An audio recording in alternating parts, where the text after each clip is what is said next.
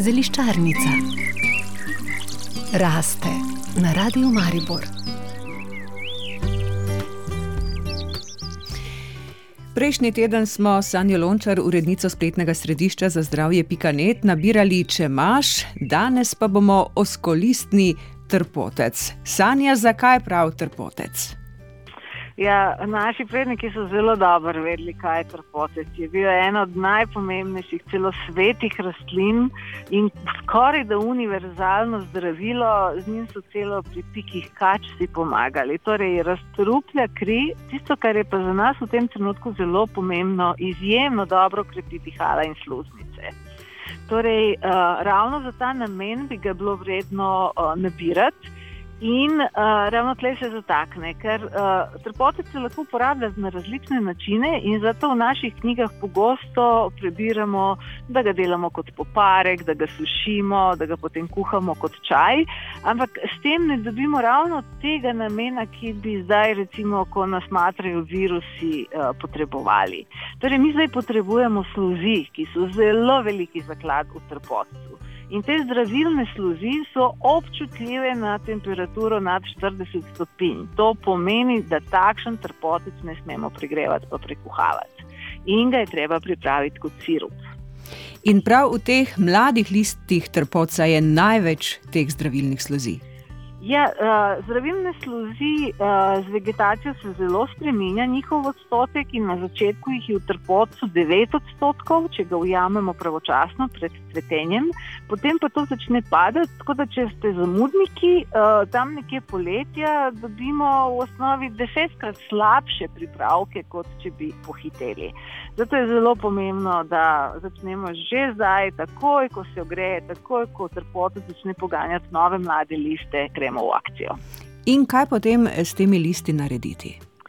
Ja, naslednja točka preloma, če lahko tako rečemo, oziroma točka, kjer nastane največ napak, je ta, da ljudje mislijo, da se vsi sirupi delajo tako, da dajemo red droge, pa red sladkorja. Uh, na nek način smo te srednjeveške recepte, ker se je delalo tako, red listov, red medu, zamenjali sladkorjem, misleč, da je sladkor lahko zamenjava za med. Sladkor sicer lahko izleče nekaj stvari iz rastlin, ampak niti slučajno to ni enak proces. In prav, ko gre za trpotec, do teh snovi, ki jih mi potrebujemo, moramo priti s pomočjo fermentacije.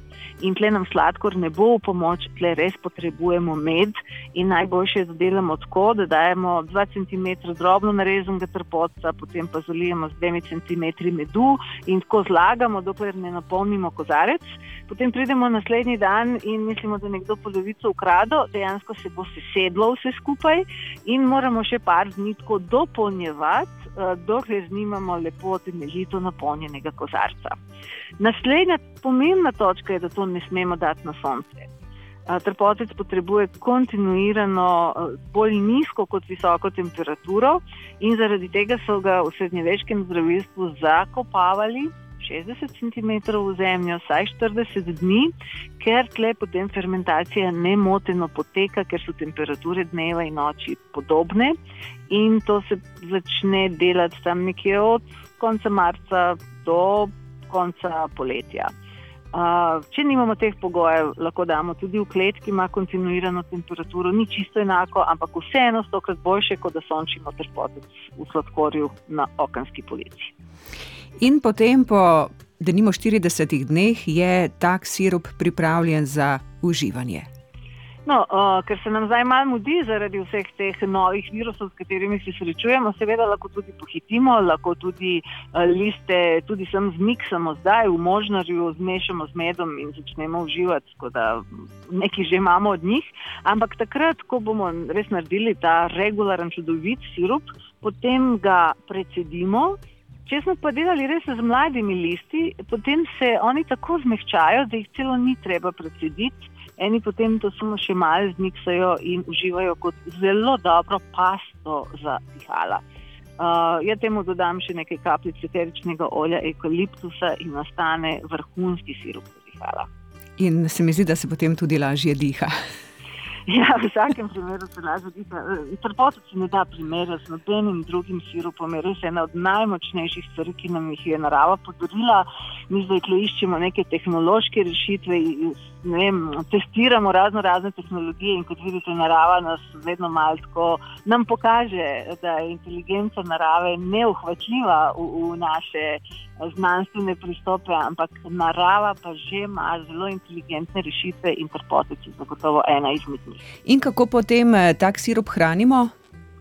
Ja, pri trpotcu je veliko tenkov, od katerih je odvisno, kakšno kakovost bomo dobili. Priporočam za tiste, ki ga bodo res hoteli sami delati, da si gledajo delavnico naravne rešitve za imunsko obrambo, ki je na portalu delavnice za zdravje.net. Sanja Lončar, urednica spletnega središča za zdravje.net. Hvala za tokrat in vse dobro do prihodnjič. Zeliščarnica raste na Radiu Maribor.